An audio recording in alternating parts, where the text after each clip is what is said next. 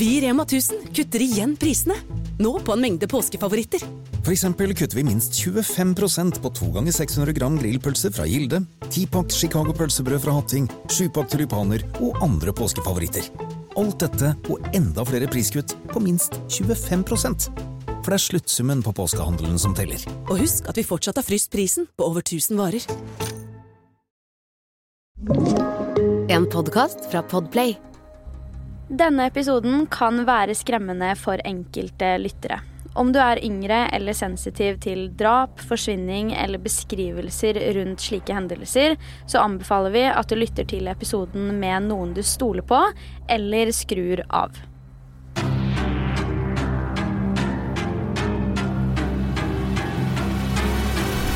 Hallo og hjertelig velkommen til en helt ny episode av Forsyningsfredag podkast. Før vi går inn i denne ukens episode, så vil jeg bare benytte anledningen til å si tusen takk til de av dere som har kjøpt billetter til livepodkasten som jeg skal ta del i sammen med Jonas og Susanne fra På innsiden av Psykohoder allerede nå på tirsdag den 24. oktober. Nå er jo faktisk billettene utsolgt, men dersom flere livepodcaster er ønskelig, så setter jeg veldig stor pris på om du vil sende meg en melding på Instagram, sånn at jeg kan se hvor stor interessen er for det. Og på Instagram så heter jeg Forsvinningsfredag. Vi gleder oss uansett masse til å se akkurat deg på Njø scene den 24. oktober, men før det skal jeg fortelle deg historien om Paris Bennett. I denne ukens episode så må jeg nemlig si at vi skal ta for oss en helt usannsynlig annerledes historie, som jeg ble dypt sjokkert over da jeg leste meg opp på den. Dette her er en sak som involverer barn, både som gjerningsperson og offer, så jeg vil be deg om å ta advarselen i begynnelsen av episoden på alvor, da dette definitivt er en av de sakene som kan være ekstra vanskelig for enkelte å høre. I denne ukens episode har vi med en ekte psykopat å gjøre, som faktisk også har latt seg intervjue av journalist og programleder Pierce Morgan imens han satt i fengsel. Og i slutten av episoden kommer jeg til å vise deg et utdrag fra dette intervjuet som er helt ufattelig interessant. Så denne saken handler om amerikanske Paris Bennett, men hans historie er langt mer kompleks og involverer også en rekke rekke flere mennesker som jeg er nødt til å introdusere deg for først. La oss starte med moren til Paris, nemlig Charity Bennett. Charity Bennett kommer nemlig ikke akkurat fra det man vil anse som et trygt og harmonisk hjem. Hun ble født i Georgia, og foreldrene hennes heter Kyla og Bobby. Denne lille familien bodde faktisk på en stor gård, fordi faren eide et veldig suksessfullt selskap som gjorde at han tjente helt vanvittig mye penger også. For å si det pent så kom Charity fra en familie som helt enkelt kunne leve ufattelig komfortabelt, så det økonomiske det var aldri et problem i Charities barndom. Imidlertid er det noe annet som skal være et veldig definerende øyeblikk i oppveksten hennes, da hun kun var seks år gammel. På det tidspunktet blir nemlig faren hennes drept, og kort tid etter finner moren seg en ny kjæreste. Det er faktisk også sånn at moren ble sikta for drapet, samt planlegging av drap, men endte opp med å bli frifunnet i rettssaken. Charity selv har imidlertid uttalt at hun ikke tror at dette var riktig dom, og hun er derfor overbevist om at moren egentlig var skyldig.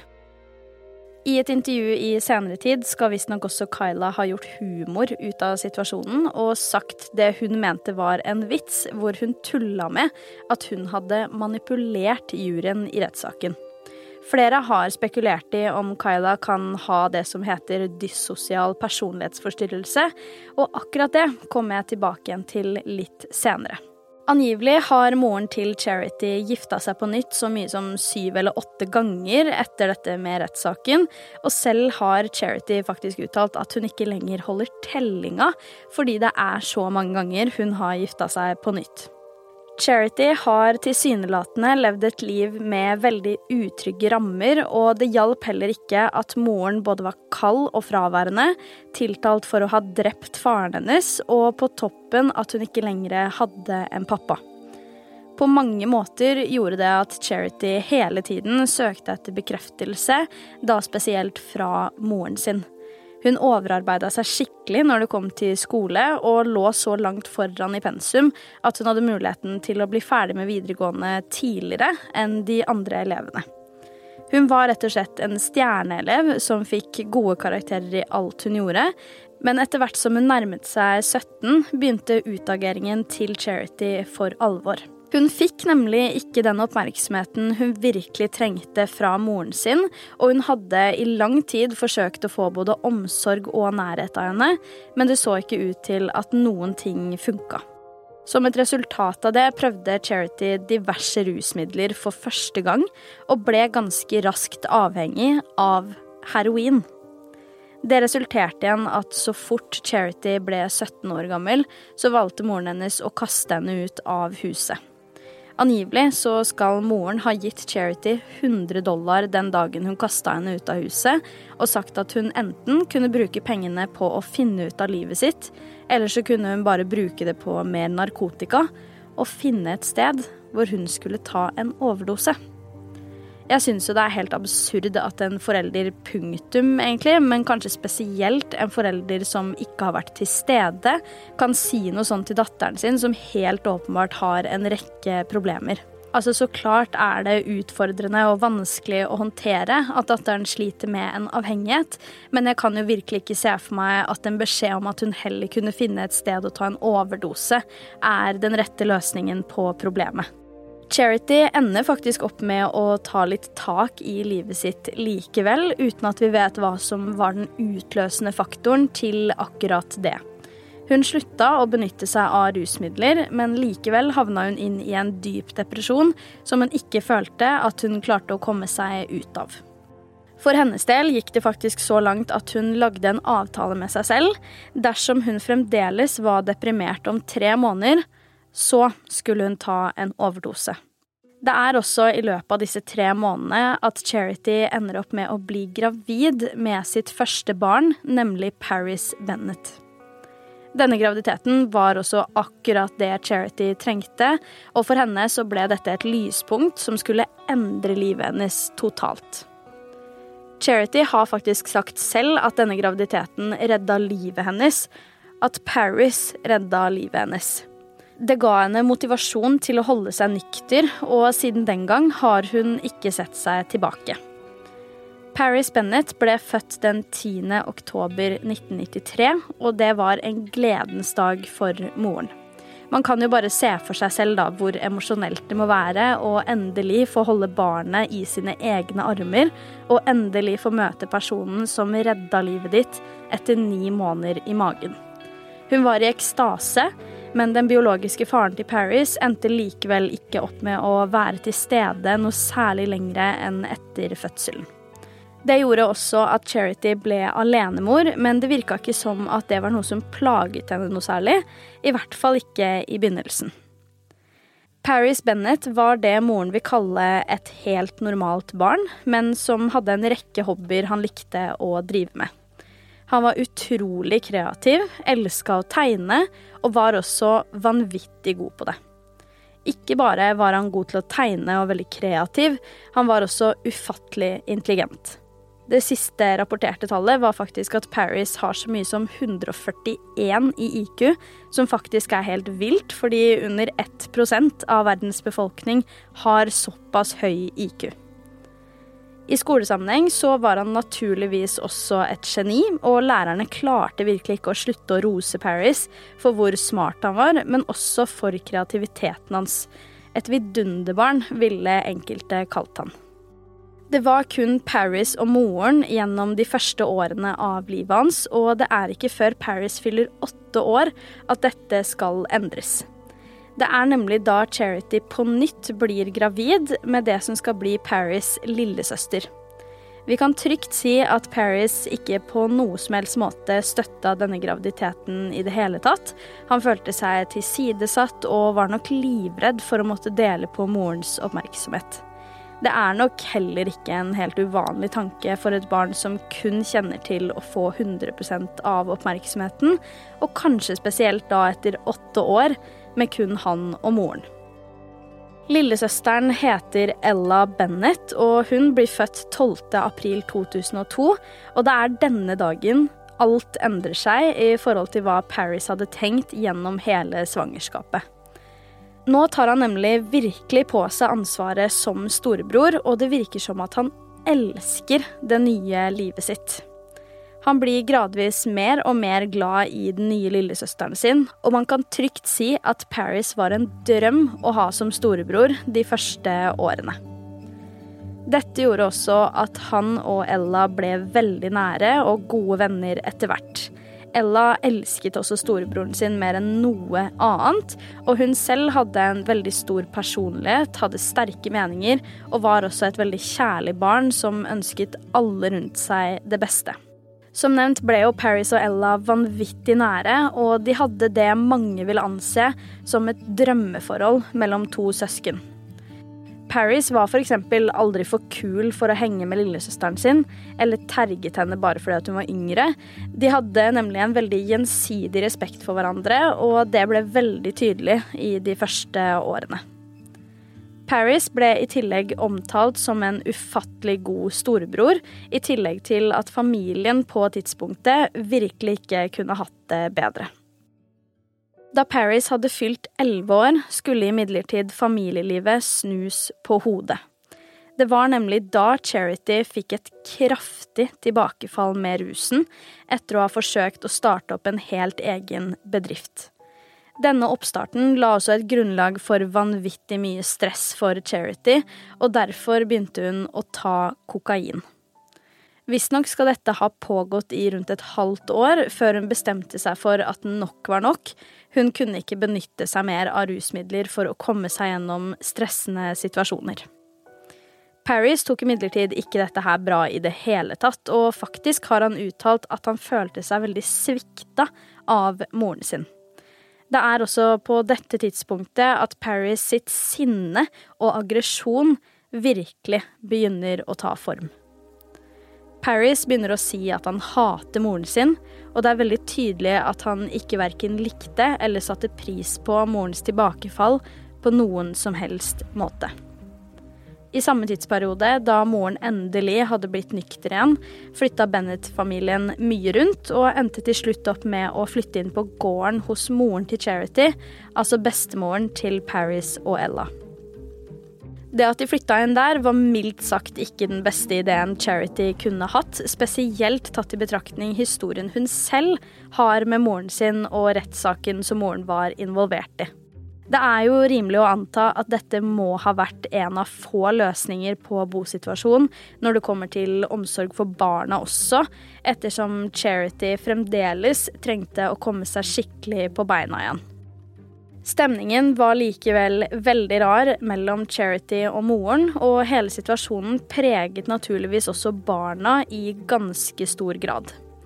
Det gjorde at Paris for alvor begynte å utagere, og generelt var ikke humøret på topp for den da elleve år gamle gutten.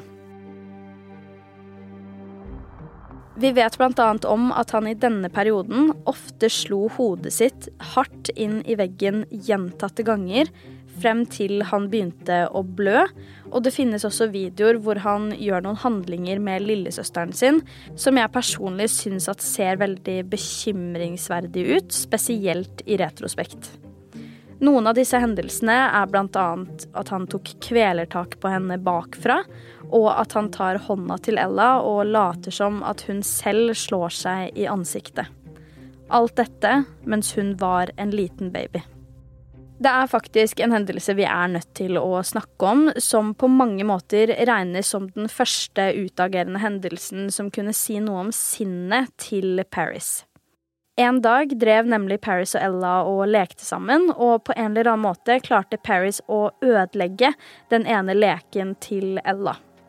Vi vet ikke om det var et uhell eller ikke, og jeg skal heller ikke anta noe om akkurat det, men uavhengig av om det var med vilje eller ikke, så ble i hvert fall Ella veldig lei seg av at leken hennes ble ødelagt.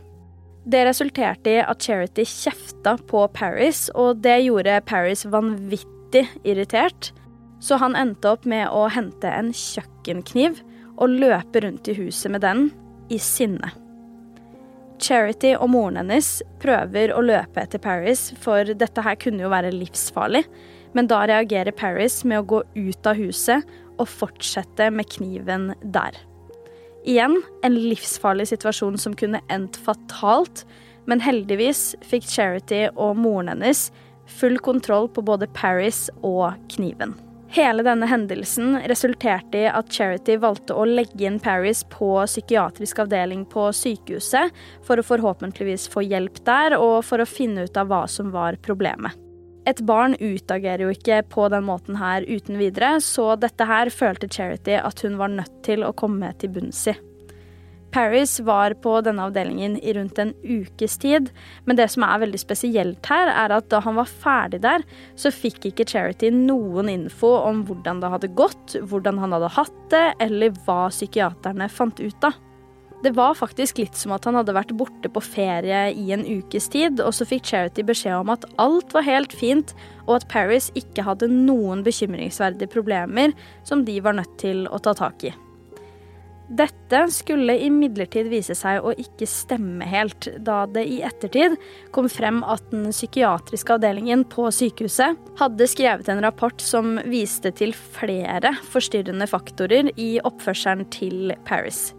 Blant annet sto det i rapporten at Paris hadde en besettelse av både drap og skyting, men denne rapporten mener Charity at hun aldri fikk tilgang til å lese. Moren hennes er imidlertid helt uenig, og mener at Charity hele tiden var klar over akkurat dette. Kronemarked hos Bar.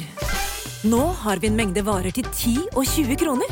Hele denne uka får du løbiff fra Folkets før 54,90, nå kun 20 kroner.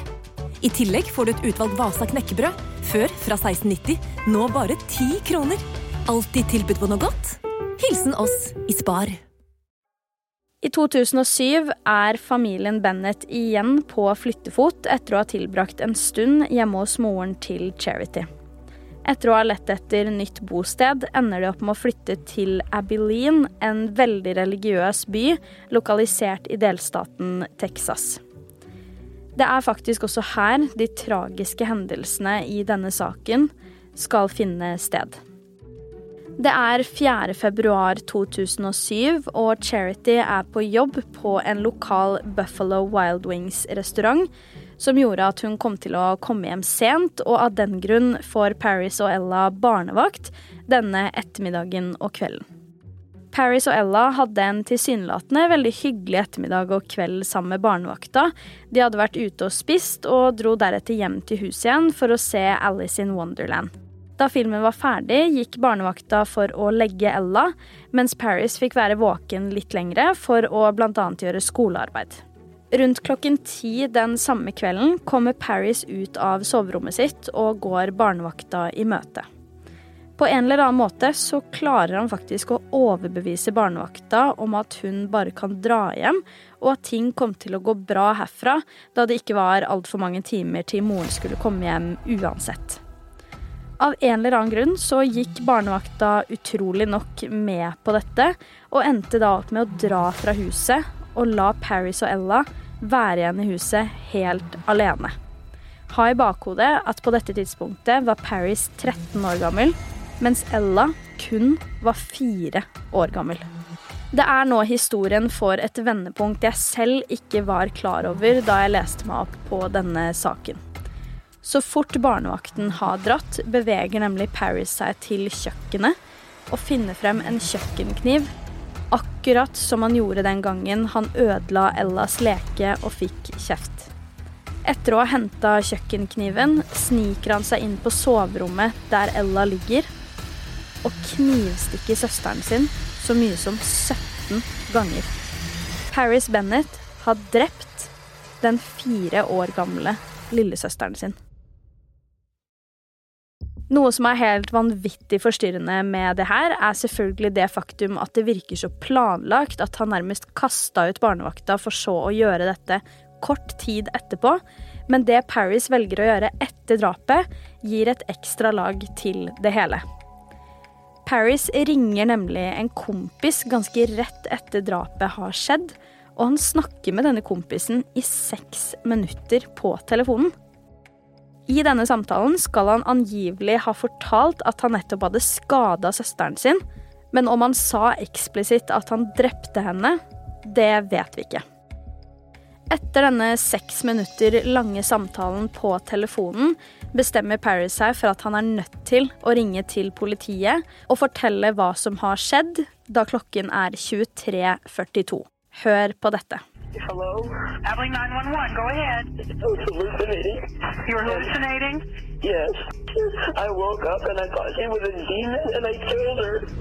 Mhm. Now, what's your sister's name? Her name is Ella. Ella Bennett. How old is Ella? Four. She's four years old. How old are Yeah. you? Thirteen. Is she bleeding anywhere? Yes, she's bleeding all over the bed. Because I stabbed her. What did you stab her with? Knife. Okay, where'd you stab her? Um, lots of places. I want you to start CPR, okay? What I want you to do is take her off the bed. No, I know for a fact that she's dead because I Do you want to go ahead and try? It might still help, okay? No, I, I don't think it'll help because Come on, Paris, work with me. I know I stabbed her lots of times. Okay, she's on the floor, but I can't stay here because she's all bloody and Paris, stuff. What I want you to do is I want you to put your hands on her chest, Mm-hmm. okay? And I want you to push 30 times. I want you to count. Okay, all the way to 30 and then blow two breaths in her mouth. Okay? okay. One, two, three, four, five.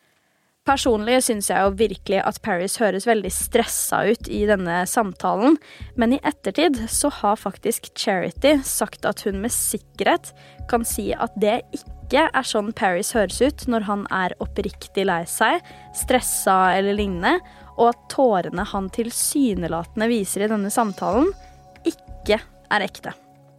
Han sier jo også i samtalen med politiet at han hallusinerte, og at det er derfor han gjorde det.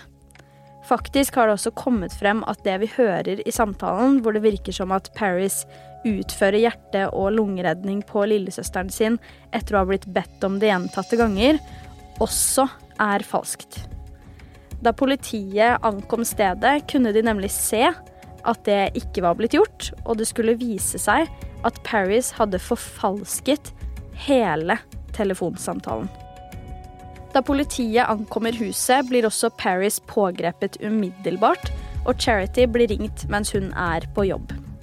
Hun får da beskjed om at hennes fire år gamle datter er blitt drept, men hun får ingen videre informasjon, da politiet gjerne vil snakke med henne i virkeligheten. Tenk deg å stå i den situasjonen hvor du er på jobb, og barna dine skal være trygge med barnevakten du har betalt, og så blir du plutselig ringt og fortalt at ett av barna dine er døde. Altså, hva i all verden hadde du tenkt da? Det som igjen er veldig forstyrrende med denne saken, er at nye detaljer kom frem for hver dag som gikk i dagene etter drapet.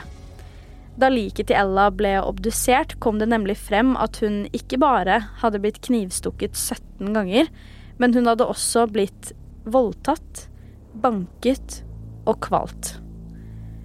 Det skulle vise seg at Paris i timene før drapet hadde brukt tiden sin på å se på veldig hard pornografi, og mye av innholdet han så på, involverte også drap. Da det kom frem at politiet hadde funnet ut av alt dette, så klikka det for Paris, som virkelig ikke likte at de hadde funnet ut at han hadde forgrepet seg på lillesøsteren sin. Det resulterte i at han lagde et fullstendig rabalder inne på avhørsrommet, slo hodet i veggen og storma ut av rommet i sinne. Gjennom alle avhør og lignende har også Paris endret forklaringer litt her og der, men hver gang er det ganske minimale endringer. Politiet så likevel rett gjennom dette, for de hadde både en tilståelse og tekniske bevis som var mer enn nok til å domfelle han, så det tok ikke lang tid før denne saken ble tatt opp i retten. Paris Bennett ender da opp med å få en dom på 40 år i fengsel, med mulighet for prøveløslatelse etter 20 år. Dette er visstnok den strengeste straffen for et forhold som dette som en mindreårig kan få i Texas. Det er jo viktig å ha i bakhodet at Paris faktisk bare var 13 år gammel, og vi har jo snakket om tidligere at det finnes flere saker der retten er i tvil om gjerningspersonen skal dømmes som voksen eller barn i denne alderen, nettopp fordi de gjør handlinger som ikke er naturlig eller å regne med i deres alder. I dette tilfellet bestemte retten at Paris skulle dømmes som mindreårig, da loven er krystallklar i Texas, man må være 14 år i denne delstaten for å bli dømt som en voksen. Det gjorde at han da fikk mildere straff enn hva han mest sannsynlig hadde fått dersom han eksempelvis var 17 år gammel og gjorde det samme da. Da Paris hadde fylt 19 år, ble han flytta til et voksenfengsel, og i februar 2027 så vil Paris ha muligheten til å søke om prøveløslatelse. Dersom han da ikke blir godkjent for prøveløslatelse, så vil han uansett bli løslatt fra fengsel i 2047. Og moren til Paris har faktisk sagt at hun har akseptert at både hun og den nye sønnen hennes vil være første mål for Paris den dagen han slipper ut. Faktisk er også psykiaterne enige i at det vil være tilnærmet umulig å få rehabilitert Paris som selv har sagt at han har hatt tanker om å drepe siden han var veldig, veldig liten. Underveis har også Paris blitt undersøkt flere ganger av ulike psykologer og psykiatere, og de alle sammen har landa på at han har det som kalles dyssosial personlighetsforstyrrelse, som mange også kaller psykopatisk personlighetsforstyrrelse. Som du kanskje husker, så er det dette folk spekulerte i om bestemoren til Paris også hadde. Er det sånn at dette kan være arvelig? Og om ikke, hvordan endte han opp med å bli så psykisk syk gjennom livet sitt? I etterkant av at Paris ble satt inn i fengsel som 13-åring, beholdt likevel Charity kontakten med han, som Paris selv har sagt at overrasket han stort. Han hadde egentlig aldri trodd at moren ville snakke med han noen gang igjen.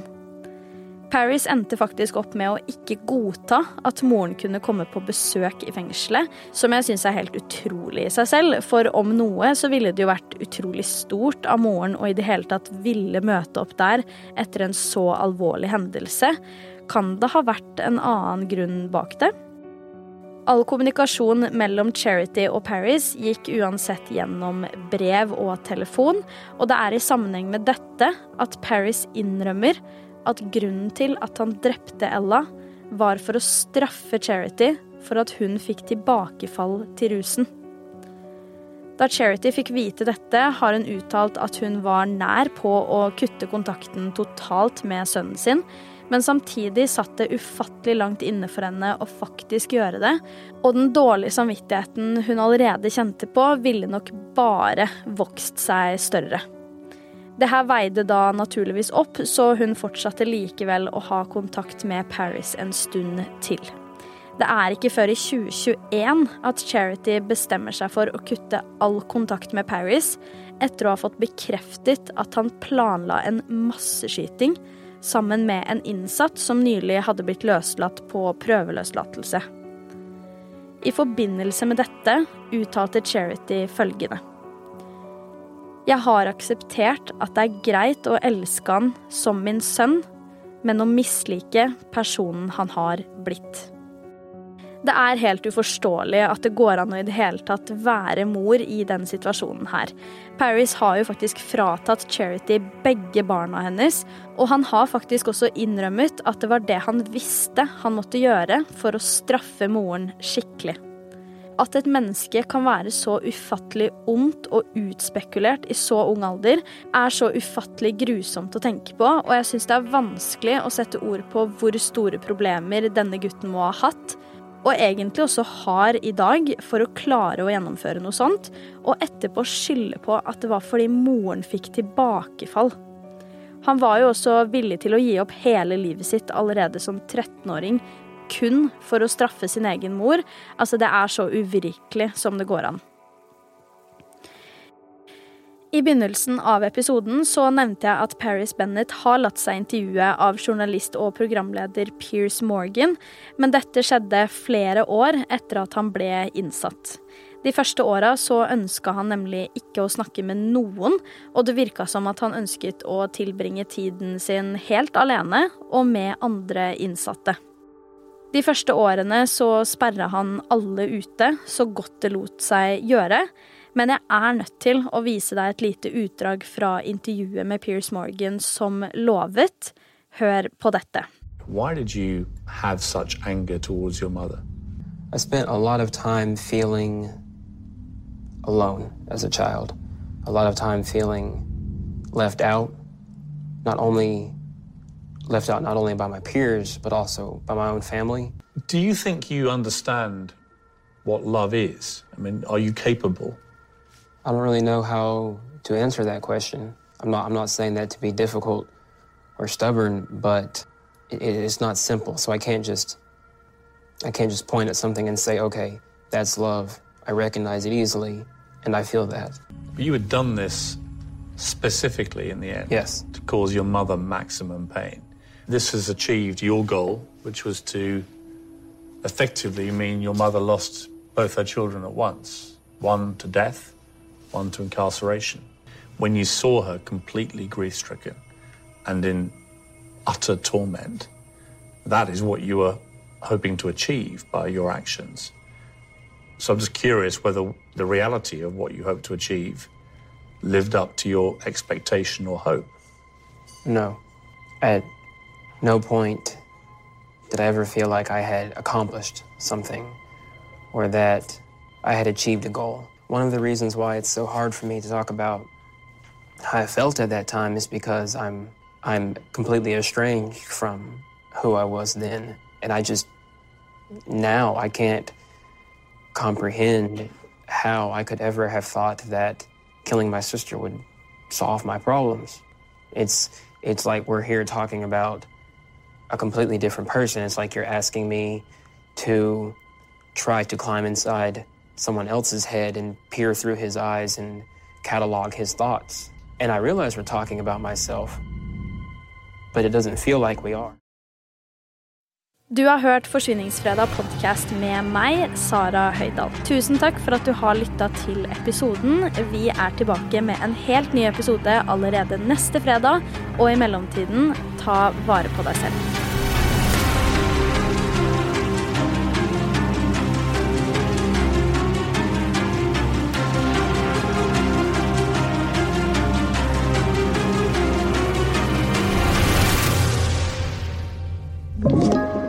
Du har hørt en podkast fra Podplay. En enklere måte å høre podkast på. Last ned appen Podplay eller se podplay.no. Velkommen til Kjemperådet! Denne gangen har vi fått inn et kjempedilemma fra en familie. Jeg leser Hei, vi er litt uenige i familien her. Hvis du skulle vært et dyr, ville du hatt gjeller eller vinger? Oi, den er tricky. Ja, Hva ville dere hatt, da? Altså, jeg vet ikke, men Med familierabatt får de ubegrenset data fra Telenor fra 399 kroner. Da kan de jo scrolle seg til svaret, rett og slett. Ja, ok, Men for min del Ja. gjeller. Nei, nei. Nei. nei, vinger. Nei, nei, gjeller. Ja, okay, ja, kjempebra. Men eh, se nye mobilabonnement på telenor.no, da.